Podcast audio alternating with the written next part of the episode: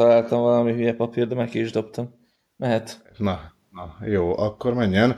2017. március 31-ét írjuk. Ez itt a HVS Weekly adása ismét. Én Lács Ferenc vagyok, és itt van velem, illetve az éterben mindenképp itt van velem. Gálfi Csaba. És Asztalos Oliver. És akkor be is csapunk a lecsóba. Csaba fogja az első témát hozni nekünk, még az egy kicsit zajosabban, mint ahogy megszoktuk. Hogy is van ez Csaba, mi, mi történik? A frontvonalról beszélsz, ha jól emlékszem. Így van, a frontvonalról, egész pontosan a saját dolgozószobámból itthonról, majd home office és elfelejtettem elhozni a mikrofonomat. Ezért elnézést a hallgatóktól. Igyekszem majd kevesebbet beszélni a szokásosnál. Az első témánk a most már többé-kevésbé hazai fejlesztésű LastPass. Ez egy jelszókezelő alkalmazás, ami gyakorlatilag arra vállalkozik, hogy egy alapvetően felhős tárhelyen titkosítva biztonságosan tárolja a különböző online szolgáltatásokhoz tartozó jelszavainkat, és ezt kérésre, amikor arra szükség van, böngészős beépülőből, desktopon, amikor be akarunk jelentkezni online felületekre, akkor így automatikusan felkínálja, hogy, hogy betolja az oda beilleszkedő jelszót, és akkor be tudunk automatikusan lépni, illetve mobilon, ugyanígy a mobil alkalmazáson keresztül, ha mondjuk Twitter abba szeretnénk belépni, akkor felkínálja a Twitter apphoz tartozó jelszavakat. És ennek a, a használatát alapvetően minden olvasónak vagy hallgatónak nagyon szívesen javasoljuk. Pontosan azért, mert ezek a jelszókezelők teszik lehetővé azt, hogy mindenhol különböző jelszót használjunk minden online szolgáltatásban, ezért, hogyha hát esetben egy obskurus jelszó um, fórumon használt fórumot feltörnek, és az ott használt jelszót megszerzik, akkor azzal még nem tudnak mondjuk a, a PayPal accountokba belépni, vagy nem tudnak a, a fontosabb például az, az e-mail fiókunkba belépni, vagy a céges fiókunkba belépni.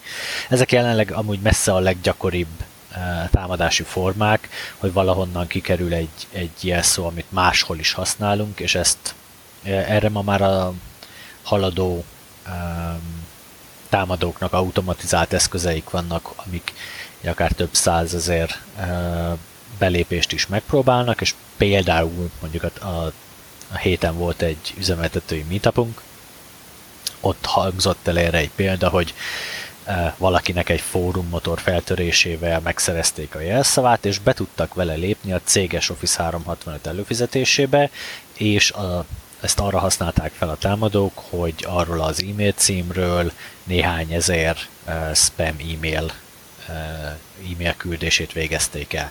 Csak ez egy példa, hogy, hogy mi ellen védenek az ilyen jelszókezelők, hogyha mindenhol különböző esetleg erős jelszót használunk, amit ugye fejben akkor már nem kell megjegyeznünk, mert ez a rendszer tárolja, akkor, akkor ezzel egy fokkal biztonságos, biztonságosabban netezhetünk. Nyilván van egy másik veszély, amit ez behoz, méghozzá az, hogy mi történik, hogyha pont ezt a szolgáltatást törik fel, és onnan viszik el az egy kosárban tárolt jelszavainkat mind. De ez igazából olyan, mint hogyha tehát a, kettő között néhány nagyságrennyi különbség van veszélyességben, az jelen esetben sokkal fontosabb veszély, vagy sokkal jelentősebb veszély, hogy, hogy a máshol is használt jelszavakat lopják el. És akkor térjünk rá igazából a mai témánkra, hogy a, a Google-nek az elit, uh, elit öngyilkos alakulata, az IT biztonsággal foglalkozó Eh, Project Zero, ez gyakorlatilag egy ilyen pentester csapat, vagy, vagy um, um, mindenféle szolgáltatásokat és um, szoftvereket auditáló IT biztonsági csapat, akiknek az a feladatuk, hogy nem Google szolgáltatásokat Google alkalmazottakként e, folyamatosan tesztelgetnek. És így szokták az Internet Explorer-t, a Windows-okat, um, rengeteg ilyen alkalmazást uh, szoktak tesztelni. és rendszeresen az ő az általuk megtalált biztonsági hibákat a cégek ki is javítják. Ők arról hírhettek amúgy, hogy ők mindössze 90 napot adnak a hibák kijavítására a vendornak, amikor ez a 90 nap lejárt, akkor automatikusan ők közzé teszik a, a hiba részletes leírását, olyan mélységben, hogy azt akár támadók is fel tudják használni a támadásra. És akkor végre tényleg a, a célegyensbe térek és ráfordulok a, a, a konkrétan a mai sztorira, hogy ez a csapat a Last Pass-t vette most nagyító alá, és rögtön találtak első körben három elég jelentős sebezhetőséget a, a szolgáltatásban. Ezeket már a, a LastPass gyakorlatilag azonnal javította a különböző böngészős beépülő modulokban. Ugye azt mondtam, ezt teszi lehetővé, hogy a szolgáltatás automatikusan felismeri, hogy egy olyan weboldalon vagyunk, amihez nála tárolt jelszó van, és ezt fel tudja, és ha beírjuk a mesterjelszót, nyilván nem automatikusan, akkor ezt be is tudja tenni. És ez a sebezhetőség például azt tette lehetővé, hogy megfelelően preparált weboldalakkal a böngészőt be lehetett csap, a böngésző modult be lehetett csapni, és ki lehetett adatni vele a nála jelszavakat. Ez gyakorlatilag egyetlen nap alatt javították a LastPass fejlesztői, ami egy, ami egy abszolút pozitív dolog, és a vizsgálatot végző Tavis Ormandi, a Project Zero egyik oszlopos tagja is elmondta, hogy, hogy abszolút elégedett a, a céges kommunikációval, és, és nagyon boldog a, a csapatreakció idejével. Majd elment tusolni, és eszébe jutott egy újabb sebezhetőség, ami egy negyedik, ami viszont sokkal súlyosabb, mint a korábbiak, és a szakértő szerint gyakorlatilag egy olyan alapos AI újraírására van szüksége a csapatnak, tehát hogy ezt a, a böngészős beépülőnek olyan architekturális újra írásra van szüksége, amihez lehet, hogy ez a 90 nap is kevés lesz. Kíváncsian várjuk, hogy, hogy mikor jön erre a frissítés, ugyanis egyelőre erre még nincsen. Annyit tudunk nagyjából, amennyit Tavis elmondott, hogy ez távoli kódfuttatásra is lehetőséget ad a támadónak, tehát a LastPass telepített binárisát rá lehet venni arra, hogy adminisztrátori vagy ezt nem tudjuk biztosan, vagy adminisztrátori, vagy felhasználói jogosultsággal képes végrehajtható állományokat futtatni egy megfelelően preparált weboldal. Ez ugye nem Zero Day, mivel még nem adta ki, illetve Zero Day-nek számít, de a támadásnak a részletei nem nyilvánosak, az, ahhoz a 90 napra van szükség, hogy azok legyenek. Reméljük, hogy a részben hazai fejlesztésű, a, a, ugye a logmin alá tartozó LastPass ki tudja majd időben javítani ezt a, a problémát. Az előző hármat ugye sikerült néhány nap alatt, vagy egy-két nap alatt, reméljük, hogy most is, most is sikerül ez majd. Akkor egy, egyelőre még ne álljak át LastPass-ra, vagy pontosabban nem most kezdjem el használni a LastPass-t. Hát ez pontosan annyi, mint hogyha azt mondanád, hogy most állj le a Windows használatával. A Windows-on is vannak biztonsági hibák, ugyanúgy az összes böngésződben, stb. Itt igazából szerintem az a, a, a biztonságosságnak a valódi fokmérője, hogy ezeket a, a problémákat hogyan kezeli a fejlesztő csapat, és hajlandó azokat nagyon gyorsan, nagy rendszerességgel alaposan kijavítani. Ez a hiba nem ismert, tehát támadók, rossz indulatú támadók nem ismerik. Alapvetően én emiatt nem mondanám senkinek, hogy emiatt ne használjon LastPass-t. Ha tud ennél jobb jelszókezelőt, akkor használja azt, ha tud ennél megbízhatóbbat, akkor használja azt, de semmiképpen ne éljen jelszó, semmilyen jelszókezelő nélkül. Az, az a létező legrosszabb.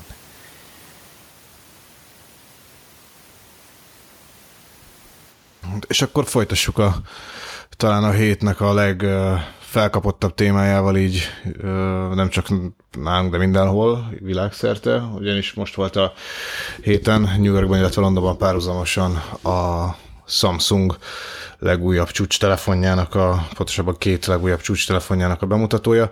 Ezek nem csak azért fontosak a cég számára, mert, mert ugye az éves új, új generációs zászlóshajót jelentik, hanem azért is, mert az előző ilyen kiadás, ugye az ominózus Note 7, az egy nagyon-nagyon csúnya bukta lett a, a vállalat részéről. Különösen azért csúnya, mert ugye maga a telefon az egyáltalán nem lett rossz, csak uh, alapvető funkcióit tekintve, csak ugye épp az akkumulátorra sikerült keményen mellé fogni két beszállítótól is, ezért a telefonok ugye elkezdtek felrobbanni, kigyulladni, és visszahívták az egész óbelevancot a Samsungnál.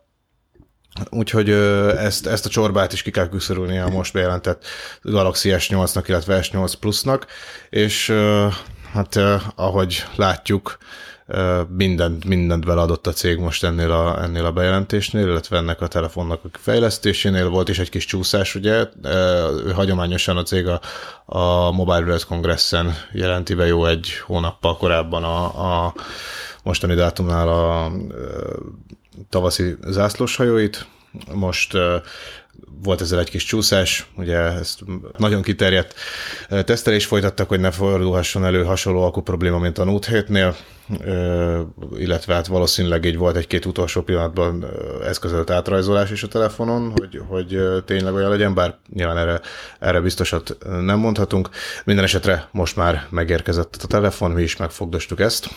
Feri említetted, hogy egyrészt az akus tesztelés miatt csúszhatott meg, másrészt pedig egy pár hónapja felröppentek olyan plegykák is, hogy a Samsung 10 nanométeres gyártás technológiája, illetve ezzel párhuzamosan a konkurens tajvani TSMC hasonló jelzésű gyártás technológiája sem annyira kiforrott még, hogy itt komoly tömegben lehessen gyártani ezeket a, a processzorokat tömegtermelésben és valószínűleg ez is hozzájárulhatott ahhoz, hogy egy, egy kicsit megcsúsztak, de egy pár hete már felröppentek olyan hírek, hogy, hogy a nagy előrelépés sikerült elérni a fejlesztésben, és úgy néz ki, hogy, hogy sikerült olyan szintre felhozni itt a selejtarányt, hogy, hogy már tömegtermelésben is, is jól működik ez a gyártás technológia, és ugye elkezdték gyártani a telefonokat, és azt hiszem, hogy valami rekord mennyiséggel készül a Samsung, nem tudom, hogy erről esetleg mondtak valamit, hogy a startra hány készülékkel készülnek, hogy, hogy mennyi lesz raktáron, úgymond mennyit tudnak kiszórni az első hetekben?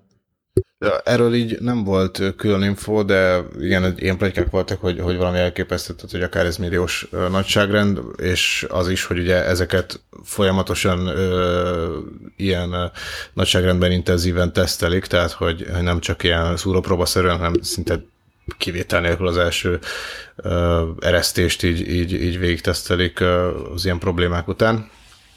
Úgyhogy ö, nem, nem bízza most a véletlenre a, a cég a telefont. És hát ugye ami, ami még kézenfekvő, hogy, hogy teljesen megváltozott most ezzel az S8-al a Galaxy telefonok arculata.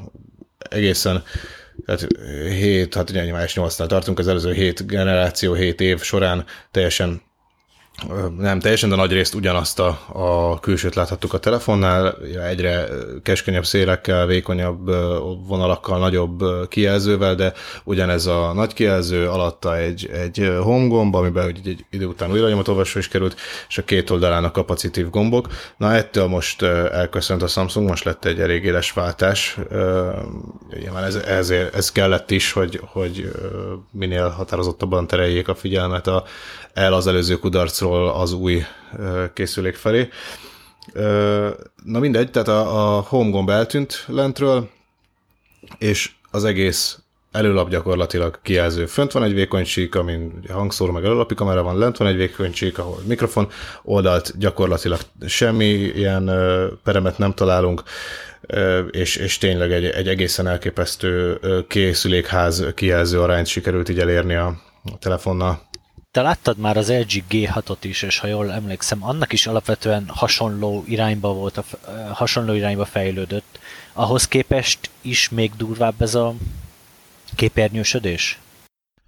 sokkal. Tehát a, a G6 is egy elég impresszív készülék lett, ott is nagyon vékonyak a peremek, de ott egyértelműen azért van perem. Itt ugye lekerekített szélek vannak, vagy ilyen, amit már ugye Samsungtól ismerünk. Most már nincs is egyébként sík kijelzős változat, hanem mindig így lekerekedik. Nem olyan durván egyébként, mint az Edge modelleknél, de egy enyhe íve van a kijelző szélének, és így ezzel, ezzel is ér véget oldalt a telefon. Az LG-nél uh, van azért egy kis perem, viszont érdekes, hogy, hogy egy ilyen új trend van kialakulóban a, a telefonoknál, legalábbis most ez LG meg a, a, az S8 kapcsán, hogy a 2-1-es képarányhoz, vagy az ahhoz közelítő képarányhoz hoz fordulnak a gyártók. Ugye az LG G6 az konkrétan 2-1-es képarányt ad, az S8 pedig egy ugye ahhoz elég közel a 18-es fél, 9-es képarányt. Ez ugye egy ilyen nyúla, nyulánkabb készüléket ad az embernek, ami tehát így, így sokkal jobban átfogható, inkább, inkább hosszabb, mint széles egy, egy kézzel is kényelmesen kezelhető, de mégis egy hatalmas kijelző van. Na most ez a Samsungnál még azzal is párosul, hogy, hogy eltűntek oldalról a szélek, úgyhogy, úgyhogy tényleg egész brutális, hogy van egy, egy a kisebbik modellnél 5,8 hüvelykes panel, ami ugye jóval nagyobb, vagy hát nem jóval, de észrevetően nagyobb, mint az eddigi nagy Samsung modell, azaz a, a Note-nak az 5,7 hüvelykes panel, tehát nagyobb. A telefon maga mégis viszont kisebb, és, és konkrétan egy ilyen teljesen normális a kisméretű telefonnak érzi az ember kézbe fogva.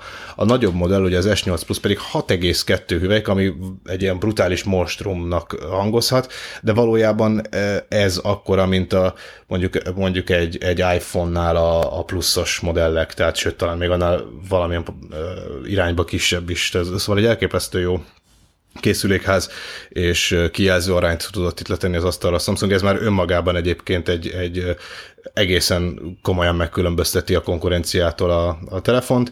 Emellé persze még jön a, az idei aktuális legújabb generációs hardware, a szokásos régiónként felosztott Exynos, illetve Snapdragon processzoros kiadás. Európában egyébként Exynosos modellek kerülnek majd a piacra úgyhogy, illetve hát egy, egy, a biometrikus azonosítás is elég nagy, nagy szerepet kap a telefonban, belekerült az iris scanner, amit ugye már láthattunk a Note 7-ben, de hát miután az kikerült a piacról, ez így az androidos mezőnyből el is tűnt ez a funkció, de most az 8 visszatért. Van egy saját arcfelismerője is a, a Samsungnak, amit beépített ebbe a telefonba, illetve az új lenyomatolvasó is megmaradt. Ez egyébként a hátlapra került, és nem ez a, nem egy ilyen kerek szenzorról van szó, amit megszokhattunk egy, egy csomó hasonló készüléken, a hátoldal közepén és így a felső harmadában, hanem, hanem egy ilyen négyszögletes kis érzékelő, és a kamera mellett oldalt. Na most ez egy ilyen elég érdekes elhelyezés, én nem egészen látom, hogy ennek pontosan funkcióját tekintve mi előnye van, vagy értelme, hiszen sokkal kényelmetlenebb elérni, plusz az ember a kamera lencsét is összetapogatja közben.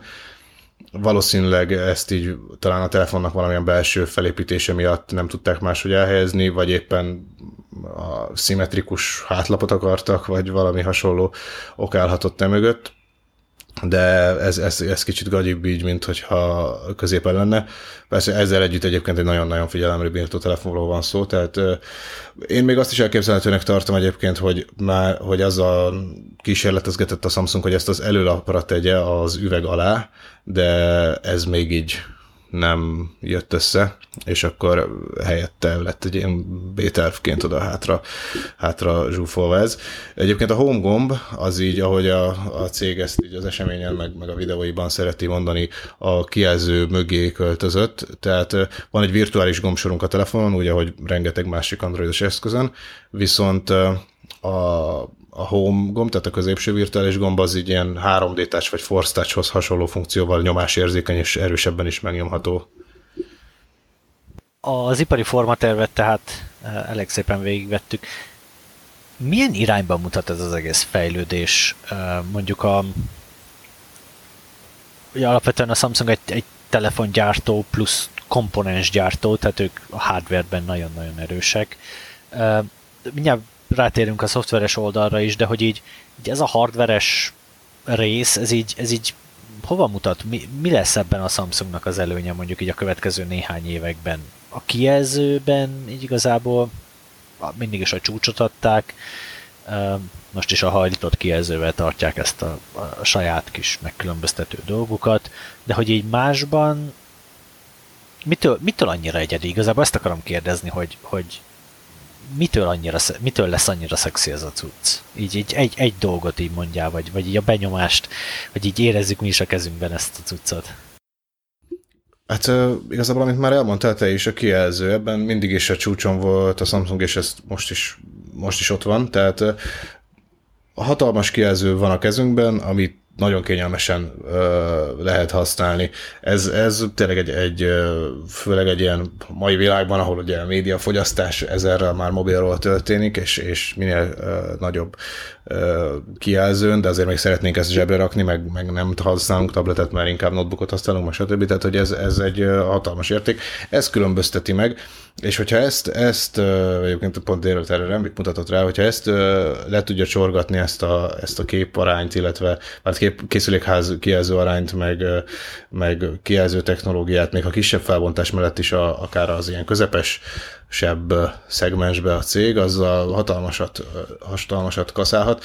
Így szoftveres oldal, meg, meg kamera, akus üzemidő, ez, ezeken, tehát ezt azért meg ki kell próbálnunk ö, egy normális tesztelés alatt is, hogy, hogy erről tudjunk érdemben nyilatkozni, de de mondjuk itt is, itt is komoly íretei vannak a Samsungnak, tehát hogy nagyon penge kamera, ugye elég nagy aksik is vannak ezekben a kisebb 3000, a másikban 3500 mAh, tehát de mindegy, elsősorban, elsősorban a, a kijelző, illetve hát ugye, ahogy Oliver is mondta, most van először 10 nanométeres processzor a, a telefonokban, úgyhogy ez is egy fontos megkülönböztető jegy. Nyilván ez hosszú távon persze nem az, mert ez majd felzárkoznak a többi gyártó is, de, de szerintem így a kijelzővel próbálja elsősorban megkülönböztetni a Samsung a telefont, és ez nem feltétlenül egy rossz irány, hiszen leginkább azt látjuk a telefonokból, és az első, amit így észreveszünk rajtuk, meg az a, a, nyilván egy megfelelő hardveres felszereltség mellett, de hát az, az, az a, a lényege a telefonnak, az egész egy kijelző.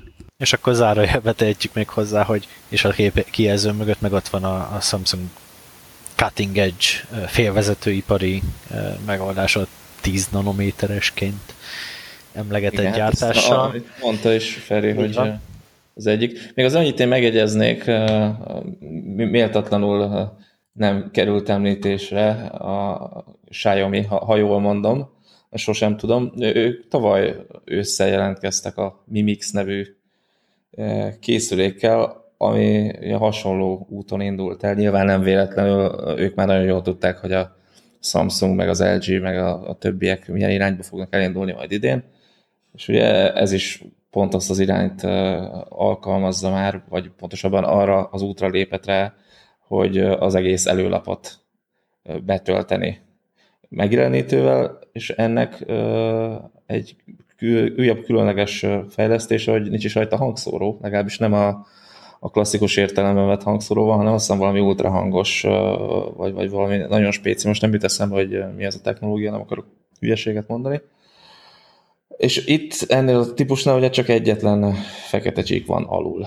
A, a, a kijelző betölti a teljes részt, érdemes rákeresni egyébként, aki még nem látta. És akkor ugye aztán jött az LG, most jött a Samsung, és majd jön az Apple is, állítólag ugyanerre az útra lép, úgyhogy most ez a 2017 a, a, a minél nagyobb kijelzők éve lesz, vagy pontosabban az előlapot betöltő kijelzők éve, talán így helyesebben hangzik.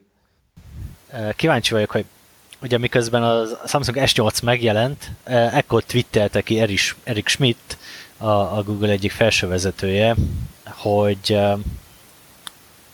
nagyon várja az új androidos telefonokat, és csodálatos új választási lehetőségek érkeznek a piacra. Például, és nem a Samsung S8-ra mutatott a tweetben a link, hanem Andy Rubin startupjára, és Andy Rubin tweetjére, amiben bejelenti az új telefonját. Ugye Andy Rubin gyakorlatilag az Android atya, ő alapította azt a startupot, amit a Google felvásárolt, és ez a startup fejlesztette a, az Androidot, majd gyakorlatilag egy éve, másfél éve ott hagyta teljesen a Google-t, és egy új startup appot indított, ez az Essential, és ők egy telefont készítenek, aminek pontosan az lesz majd az érdekessége pont, mint a Mi Mixnek, hogy gyakorlatilag teljesen bezel lesz, tehát egy ilyen nagyon-nagyon-nagyon vékony kávája van a, a kijelzőnek, és ez majd Androidot fog futtatni, és erre mutatott Erik Schmidt tweetje, ami így azért egy, egy csúnya fricska a Samsungnak, főleg ilyen, ilyen egészen felső vezetőtől. Lehet ez egy picit arra is utalás, hogy nem éppen áll minden a Samsung és a Google között úgy, ahogy, ahogy annak állnia kellene. Talán például a, a Bixby miatt. Uh, hát azt mondjuk akkor nyugodtan mondhatjuk már, hogy a következő években, ugye idén indul ez a trend, jönnek a kijelző telefonok, ami szemben csak egy nagy kijelző lesz, és ennyi. Visszakanyarodva erre a Samsung vs Google esetleges problémákra, ugye, aminek hivatalos vagy félhivatalos úgymond bejelentése, vagy, vagy akár ilyen, ilyen kiszivárgott plegykája sincs nagyon, ugyanakkor nem nehéz bele gondolni abba, hogy mennyire kötheti meg most a Google az Androiddal a, a Samsung kezét. Ugye ott van a másik oldalon az Apple, ők gyakorlatilag a hardverükhöz igazít, igazíthatják a szoftvert, vagy akár fordítva, sokkal könnyebben átalakíthatják úgy az iOS-t, ahogy éppen kedvükre szottyan, vagy éppen a, a következő generáció azt kívánja. Ugye az Androidnál meg a Samsung a Google-re van utalva, és hiába van egy, azt hiszem nem jut eszembe, talán Feri, csak kisegíteni, hogy mi a Samsung saját rendszere, ami még így tetsz halott formában megy, nem a Bada. Az, az, az, Tizenre gondolsz? Igen, igen, igen, azt hiszem, hogy az. Igen, az a Bada tudja. Uh, úgyhogy a Samsung számára nincs olyan sok út, vagy, vagy marad így ráutalva az Androidra, illetve a Google-re, vagy esetleg beleugrik egy olyanba, ami egyébként rendkívül kockázatos és, és óriási anyagi erőforrást emészt fel, ugye egy saját rendszer építése, illetve elterjesztése. Láttuk, hogy ez egy, egy Microsoft kaliberű cégnek mennyire sikerült, vagy pontosabban mennyire nem sikerült. Úgyhogy ilyen szempontból szerintem hosszú távon az Apple az, az jobb pozícióban lesz. Én legalábbis úgy érzem. Van egyébként még egy érdekes terület, amit így meg, vagy kóstolgat a Samsung most ezzel az S8 bejelentéssel. Ugye kiadtak egy DeX névre hallgató dokkolót a telefonhoz. Ez egy asztali kis dok, belállítjuk a telefont, van rajta egy, vagy egy kettő teljes értékű USB port, HDMI, Ethernet, és ezzel ugye már sokan kitalálták, egy, egy kvázi asztali gépet csinálhatunk a telefonból, egy lesz ez a monitorunk, billentyűzet, stb. egér, és, és egy asztali felületet is jelenít meg ilyenkor a készülék a, a monitoron, tehát egy, egy kvázi teljes értékű desktop ilyen alternatív launchert csinált hozzá a Samsung, és ez egy kicsit több is egy egyszerű launchernél, hiszen itt ablakban futtathatók a, az androidos appok. Vannak amelyek ezt így külön támogatják is, például a Microsoftnak az androidos Office szoftverei, ezek Samsunggal pont ennek kapcsán ugye közösen is dolgoztak, és, és ezek egy rendesen átméretezhető, hasonló ablakokban rendezhetők. A, azok az appok, amelyek pedig nem támogatják ezt külön, azok egy ilyen telefon méretű ablakba, vagy döntött telefon méretű ablakban jeleníthetők meg. Érdekesség még, hogy a, ennek a dokkolónak aktív hűtése van, tehát egy kis ventilátor pörög benne, hogyha nagyon nagy lenne a terhelés. Úgyhogy igen, tehát ezt az asztali uh, mobilozós szenáriót is, is kóstolgatja most a Samsung, ezt már láttuk ugye a Microsofttól is a Continuummal, ugye Windows Phone-nal próbálta ugyanezt megcsinálni, az nem lett ugye kimondott siker, de esetében ezt, ezt nem feltétlenül a koncepció gyengeségének, hanem sokkal inkább a Windows Phone gyengeségének tudhatjuk be valószínűleg. Úgyhogy érdekes lesz látni, hogy ezzel a Samsung mit kezd. Ugye olyan dolgokat ez támogat ez a, ez a telefon, meg ez a rendszer, hogy, hogy például VDI megoldások, be lehet jelentkezni a, a céges virtuális gépre, a telefonról ezt demonstrálta, és a Samsung ezt kirakjuk teljes képernyőre, és gyakorlatilag egy, egy Windows van előttünk. Úgyhogy ez, ezek nagyon jópofa megoldások, illetve tényleg az Office is, Androidos Office az egy, egy teljesen jól használható formában tegigénybe vehető ezzel az asztali felületen is billentyű kombinációkat is úgy osztotta ki erre a, a cég, hogy, hogy ugyanaz, amit megismertünk egy Windows Linuxon, tehát ilyen altabb és társai, ez, ez teljesen jól működik, használható, nem, tehát ilyen plusz tanulási görbe gyakorlatilag nincs ezzel. Kérdezgettük is ott a Samsungot, hogy mi ezzel, mi ezzel a terv, vagy hogy mennyire gondolják ezt komolyan, és mondták, hogy folynak egyeztetések cégekkel, esetleg olyan, olyan megoldásokról, hogy, hogy amikor mondjuk egy telefon flottát vesz a, a vállalat, akkor kap egy ilyen DEX flottát is, és, és akkor ezzel megvan oldva a, az alkalmazottnak egyben a telefonja és a, és a gépe is, hogyha mellette megvan ugye megfelelő monitoros billentyűzetes infrastruktúra az irodában. Persze azért tegyük hozzá, hogy ez a útközbeni munkát azt nem fogja kiváltani, tehát mondjuk egy notebookot teljesen nem tud lecserélni, de mondjuk egy olyan irodai környezetben, ahol teszem azt ilyen vékony kliensekről dolgoznak az alkalmazottak, ez, ez egy, egy jó alternatíva lehet. Ugye a Microsoft, ha már elmítetted ezt az irányt, még nem adta fel, olyannyira nem adta fel, hogy az elvileg valamikor az év második felében érkező Windows for ARM, vagy nem, nem tudom pontosan mi lesz a neve az operációs rendszernek, x86 emulációt is kap, azért, hogy a, a Windows fónokon futathatóak legyenek, ugye az amúgy ARM processzoros Windows fónokon futathatóak legyenek bizonyos x86-os alkalmazások. Úgyhogy érdekes lesz, hogy ez, ez mivel tud többet, vagy ez hogy fog működni, ezt még, még mindig nem tudjuk pontosan illetve ha már a témánál vagyunk, ugye Microsoft, még, még így reflektálnék egy korábbi kijelentésedre, ugye ez a Iris Scanner, ami ha az emlékezetem nem csak, akkor szintén a Windows Phone-nal, a Lumia 950-nel debütált, talán, vagy abban legalábbis biztos benne. Igen, Lumia-ban volt először ilyen amúgy, ami, tehát az androidos ökoszisztémán hát mondtam én is, hogy ott, igen, ott volt. Igen, tehát azért tudtak egy-két hasznos és jó dolgok ezek a lumiák, amiket most ugye szépen lassan átvesznek a konkurensek. Hát hardware oldalon soha nem volt a lumiákkal baj, ezt szerintem, mint tudjuk, nagyon-nagyon jó kis telefonok voltak. Hát, igen, pont azon bukott el, amit, amire jutaltam az imént, hogy ugye a támogatottság, illetve az, hogy, hogy milyen nehéz egy operációs rendszert vonzóvá tenni, vagy, vagy elterjeszteni, vagy pontosabban vonzóvá tenni a fejlesztők számára, hogy arra készüljenek alkalmazások. Ha ez nincs meg, akkor meghalt az egész, ugye, amit sajnos a Windows Phone-nál láttunk is. Na igen, tehát nagyjából így ez volt a tapasztalat az S8-al. Persze jött meg hozzá egy rakás kiegészítő, tehát új Gear VR szemüveg, most már kontrollerrel, meg 360 fokos kamera, de hát ezek, ezek főleg ilyen, ilyen, ilyen kisebb mellék szálak. Mondom, ami igazán érdekes, ez a DeX dokkoló volt, illetve hát maguk a telefonok. Arra annyit még gyorsan, hogy, hogy természetesen, bár tényleg nagyon így első blikre nagyon szép jó telefonokról van szó, ez szokás szerint nem lesz olcsó mulatság, cserébe viszont nagyon drága mulatság lesz.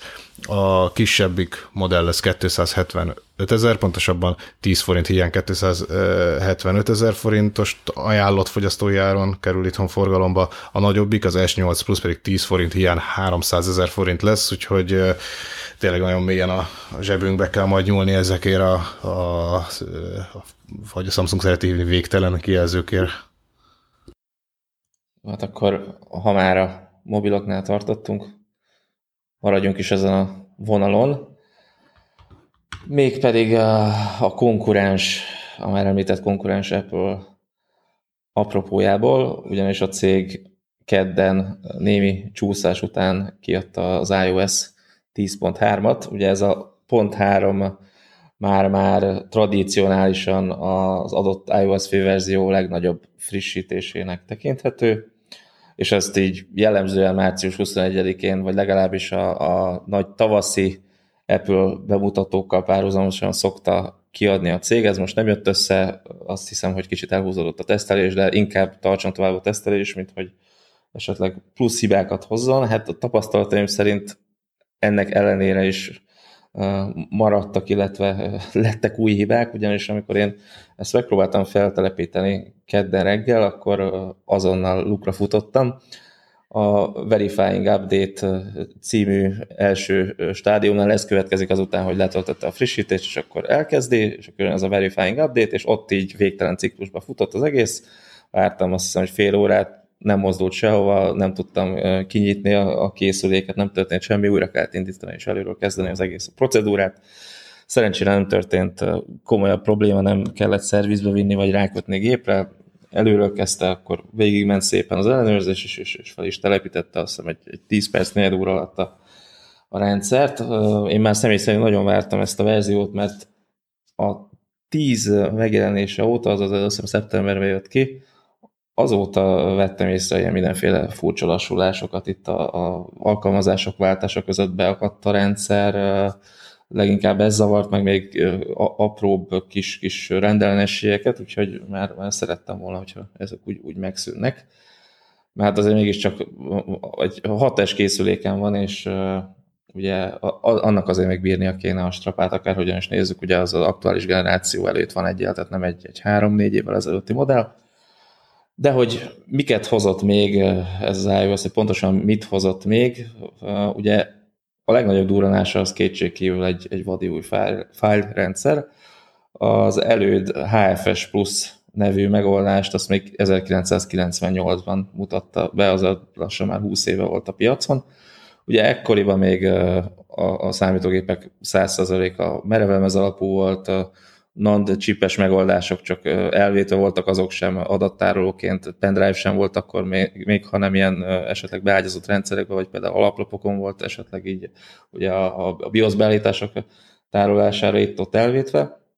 Ugye azt merevően ezekhez optimalizálták teljes részben, és az elmúlt 5-6 évben gyakorlatilag az SSD-k terjedése az, az mindenhol nyomon követhető volt, ugye itt beszéltünk a, a PC-kről, ugye most konkrétan MacBookokról, vagy akár ugye az iPhone-ról, uh, iPad-ről, kivétel nélkül uh, NAND chipekkel, azaz SSD-vel szerelt készülékekről van szó, és ehhez már azért illet hozzáigazítani a, a fájrendszert is. Uh, ilyen szempontból nem történt forradalom, ami valószínűleg annak köszönhető, hogy az SSD-k felépítése, illetve az SSD-k vezérlőjének felépítése úgy néz ki, hogy az kompatibilis lehessen a jelenlegi operációs rendszerekkel és fájrendszerekkel, ehhez található benne egy, egy remapping algoritmus, most ennek nem találok hirtelen szép magyar fordítás, de ennek az a lényege, hogy gyakorlatilag a NAND chipek és a, a fájrendszer között van egy olyan réteg, ami emulálja a Winchesterek szektoros elrendezését. Erre azért van szükség, mert a, a NAND alapú SSD-knek van egy olyan sajátságos tulajdonsága, hogy csak lap és blokk alapon tud műveleteket végezni. Ugye írni csak laponként lehet, törölni pedig blokkonként, míg a merőlemezeknél mind a törlés, mind pedig ugye az írás, ami a merőlemezek esetében az egyébként egy és ugyanaz, szektor alapon, tehát a lehető legkisebb egységekben történik. Ezért van szükség erre az FTR-re, és ezért van szükség arra, hogy, hogy vagy pontosabban ezért nem lehet megvalósítani azt, hogy a fájrendszert a, a nandokhoz igazítsák, mert be van ékelődve ez a réteg, amit csak úgy lehetne kivenni, hogyha átterveznék ugye a hardvert. Na most, ha átterveznék a hardvert, akkor alaposabban hozzá kéne nyúlni a szoftverhez is, ami azt eredményezné, hogy a jelenlegi piacon lévő készülékekre nem menne fel valószínűleg ez a forradalmi, nevezük forradalminak fájrendszer, ezért az Apple inkább úgy döntött, hogy egy, egy kevésbé radikális megoldás felé megy el, és csak hozzáigazítja a NAND alapú SSD-khez a fájrendszerének működését. Ez nagyjából annyiba merül ki, hogy a fájrendszer egy összegyűjti olyan egységekbe a írásra váró adatokat, illetve a törlési műveleteket, hogy az optimális legyen a nandoknak megfelelően, azaz lapokban vagy blokkonként történjen. Ez az eljárás egyébként nem új, például a szerveres tárolókban is van ilyen, uh, Write Coalescing néven emlegeti őket leginkább, de nem ez a legfontosabb tulajdonsága az APFS-nek. Menjünk akkor tovább.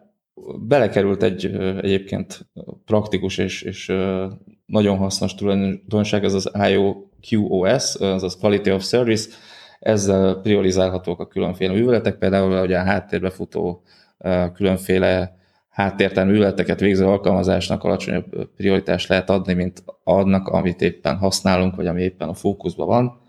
Ez is egy olyan apró, de hasznos újítás, amivel jelentősen felgyorsítható a rendszer működése, vagy a felhasználó élmény abban az alkalmazás, alkalmazásban, amiben vagyunk. Ugye azt kapja a, a magasabb prioritást, a, a kiemelt erőforrásokat. Egy ugyancsak fontos tulajdonság az a titkosítás. Ugye már, hát ezt nem kell mondani, hogy, hogy miért fontos voltak ugye ezzel kapcsolatos szaftos kis ügyek itt az FBI, hogy töri fel az iPhone-t, meg hogy szerzi meg a, a bűnöző adataitól kezdve még különféle nyalásságok. Egy vagy két kulcsos titkosítást tud, illetve támogat natívan az APFS. Ugye az egy kulcsos az, az a legegyszerűbb, ugye mindent titkosít, a több kulcsosban pedig az a pláne, hogy akár bizonyos fájlok vagy bizonyos fájlok részei is külön titkosíthatóak, illetve kinyithatóak. Tehát mondjuk azt, hogy én meg akarom nézni azt, hogy éppen milyen üzenetem jött, ugye ami bizonyos beállítások mellett látszik a, a lock screen-en is, akkor ugye megnyomom a, a home gombot, vagy felveszem a telefont, és akkor a rendszer csak az arra vonatkozó adatokat bontja ki úgymond, vagy beszél le róla a titkosítást, ami ugye azért fontos, mert így a, a többi fájl, illetve a többi adatunk biztonságban marad arra az időre. Például, hogyha olyan kezekbe kerül a telefon, akkor nincs az a probléma, hogy könnyen hozzáférnek az adatainkhoz. Ami még nagyon érdekes, ez a COW, Copy on Write eljárás, ami egy egyszerű deduplikációs módszer. Ez annyit tesz, hogy ha például átmásolunk egy fájlt egy másik könyvtárba, akkor fizikai másolat nem keletkezik, hanem csupán a metaadat módosul olyan szinten, hogy jelzi, hogy az a bizonyos adat mennyiség ebben a könyvtárban szerepel, és ebben a könyvtárban szerepel, ez ugye nem kell mondani, hogy, hogy, hogy hol, hol spórol helyet, hisz ugye, mivel fizikai másolatuk nem történik, ezért nem is foglal plusz helyet a fájl. Ha módosítjuk az akármelyik fájl, könyvtárban lévő verziót, akkor csak a különbséget, amit módosítottunk, vagy amit esetleg hozzáadtunk ahhoz a fájlhoz, az kerül eltárolásra, illetve ennek megfelelően a metaadat is módosul. Ugye hát ez, ez így, így kicsit furcsa lehet elsőre, mert mondjuk átmásolunk egy fájlt valamelyik másik könyvtárba, akkor az nem foglal plusz helyet. Ugyanez van, hogyha letöröljük, akkor nem szabadul fel plusz hely. De, de ami talán a legaggasztóbb az, hogy, hogy ugye biztonsági másolat készítéséhez sem jó mostantól ez a baromi egyszerű. Egyébként ilyen célra egyáltalán nem javasolt módszer, hisz mondjuk fogjuk a fájlt, átrakjuk három másik helyre egy azon partícióban, de ha mondjuk megsérül ugye az a metaadat, akkor ugyanúgy elúszott mind a három másolat, hisz gyakorlatilag egyetlen fizikai adat csomagról volt szó.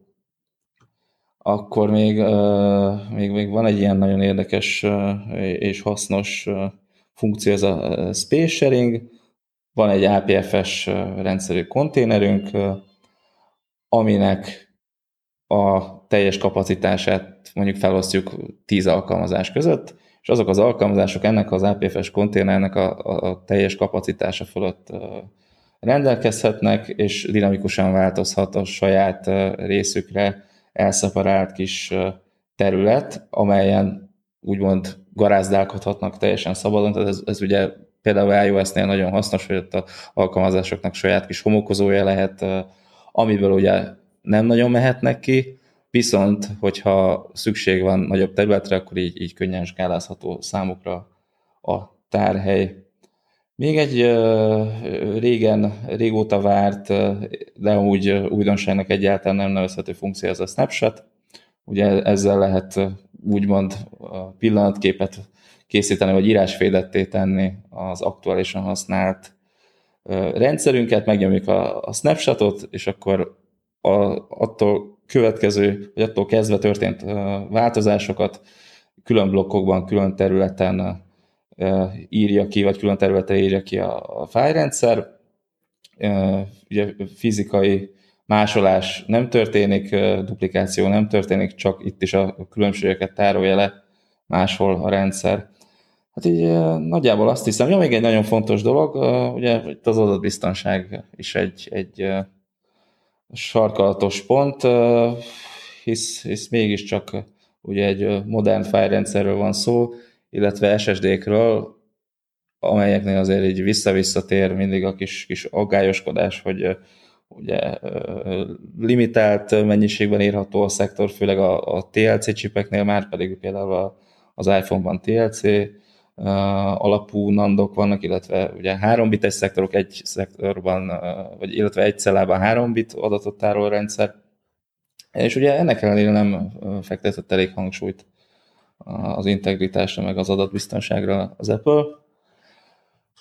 Ami olyan szempontból egy, egy, egy kicsit aggasztó mégis, hogy ugye, hogyha bármi beüt, például egy, egy csoport cella így megadja magát, akkor mi lesz az adatainkkal, ha mondjuk nem csináltunk az elmúlt két napban, vagy nem jutottunk esetleg wifi közelébe, amikor ugye az iOS automatikus mentést készít, hát akkor van a baj, akkor jöhet az adatvesztés, úgyhogy én ezzel a részével nem vagyok elégedett, ugye semmilyen redundancia nincs benne, réthez hasonló megoldás nincs, úgyhogy én, én itt érzem ennek az egész APFS-nek a, a gyenge pontját.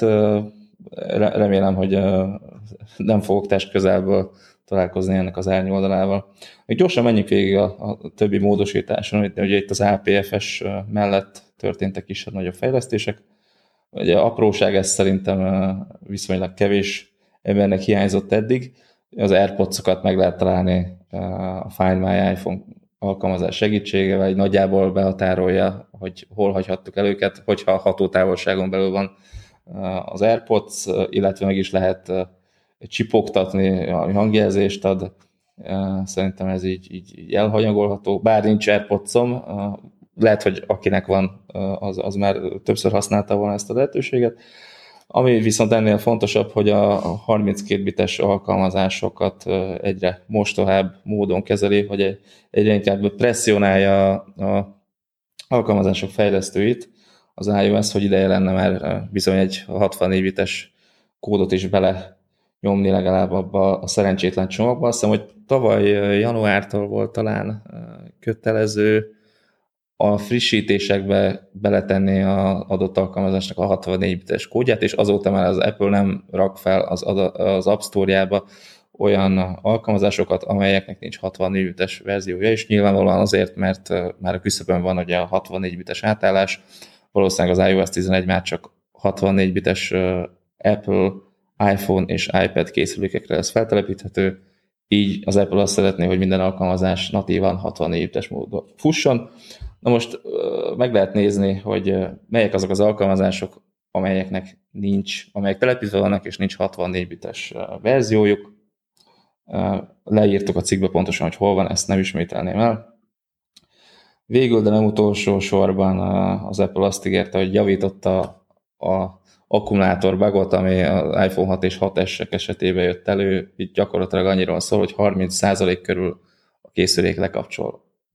Ezt ígéretük szerint kijavították, illetve még a, a teljesítménnyel kapcsolatos előrelépésekről is szó van, de hogy valójában mennyit jelent az APFS és a, a különféle deduplikációs megoldásai, arról első kézből tudok információt. Hát én már így nagyon küzdöttem a helyjel mostanában, hiába van 64 gigás készülékem, én 2,2-re sikerült lenyomni a szabad helyet, és a telepítés után ez felment 5,6 gigára, tehát több mint 3 gigabájttal több szabad helyem lett azután, hogy feltettem az iOS 10.3-at, és gyakorlatilag nem nyúltam semmihez.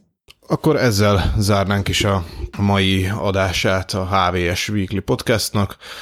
Köszönjük szépen, hogy itt voltatok velünk. Találkozunk jövő héten, véletlenül ugyanígy pénteken.